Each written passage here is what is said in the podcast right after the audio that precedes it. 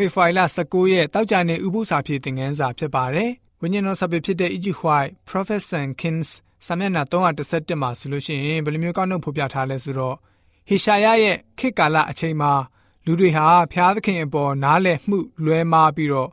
ဝိညာဉ်ရေးမှာမှောင်မှိုက်အတိဖုံးလွှမ်းနေပါတယ်။စာတန်ဟာလည်းပဲဖန်ဆင်းရှင်ကို အပြစ်ကိုစတင်တဲ့သူ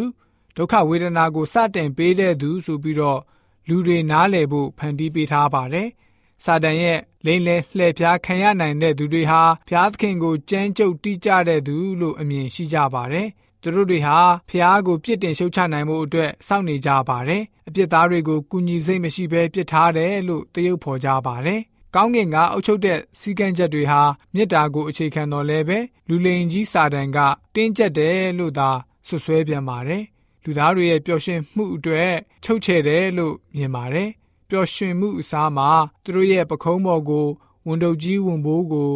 တင်ထားတယ်လို့သဘောထားပါတယ်လွတ်မြောက်ခွင့်မရှိပါဘူးစာတန်ဟာအဲ့ဒီဥပဒေတွေကိုနာခံလက်လျှောက်လို့မရနိုင်တဲ့အကြောင်းကြေညာပြီးတော့အဲ့ဒီချိုးဖောက်နားမထောင်ခြင်းအတွက်ပေးတဲ့အပြစ်ဒဏ်ဟာလည်းပဲကောင်းကောင်းမစင်စားပဲထင်ရလုံနေတဲ့ကိစ္စဆိုပြီးဆွဆွဲထားပါတယ်ဆိုပြီးတော့တောက်ကြနေဥပု္ပ္ပစာဖြစ်တဲ့ငန်းစာက ဖော်ပြပေးထားပါတယ်။ဥပု္ပ္ပစာဖြစ်တဲ့ငန်းစာရှစ်ကတော့ဒီလောက်ပဲဖြစ်ပါတယ်။ဥပု္ပ္ပစာဖြစ်အစီအစဉ်တစ်ဆက်သူကျွန်တော်ဆဆပါ။ကျမ်းနာတော်သူရောက်စီတိုင်းဝิญဉ်ခွန်အားနဲ့ပြေဝကြပါစေ။ကျေးဇူးတင်ပါတယ်။